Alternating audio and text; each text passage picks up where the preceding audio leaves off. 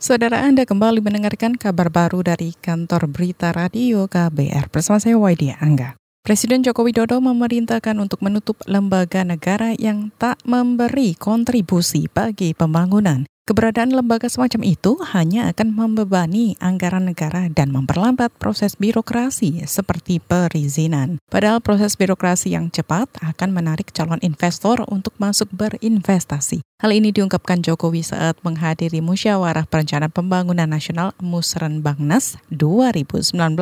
Kelembagaan harus disederhanakan. Urusan-urusan perizinan semua dari pusat sampai ke daerah harus berani kita potong. Tanpa itu jangan juga bermimpi menjadi empat besar, lima besar ekonomi terkuat dunia. Dan ini akan segera kita mulai. Lembaga-lembaga yang tidak kita perlukan, yang tidak efisien, yang tidak memberikan kontribusi yang real kepada negara. Kalau saya tutup, hapus. Presiden Jokowi menambahkan penyederhanaan birokrasi dan perizinan telah diupayakan sejak tahun lalu. Menurutnya langkah ini penting lantaran sejak 20 tahun lalu masalah perizinan selalu menjadi ganjalan masuknya investasi.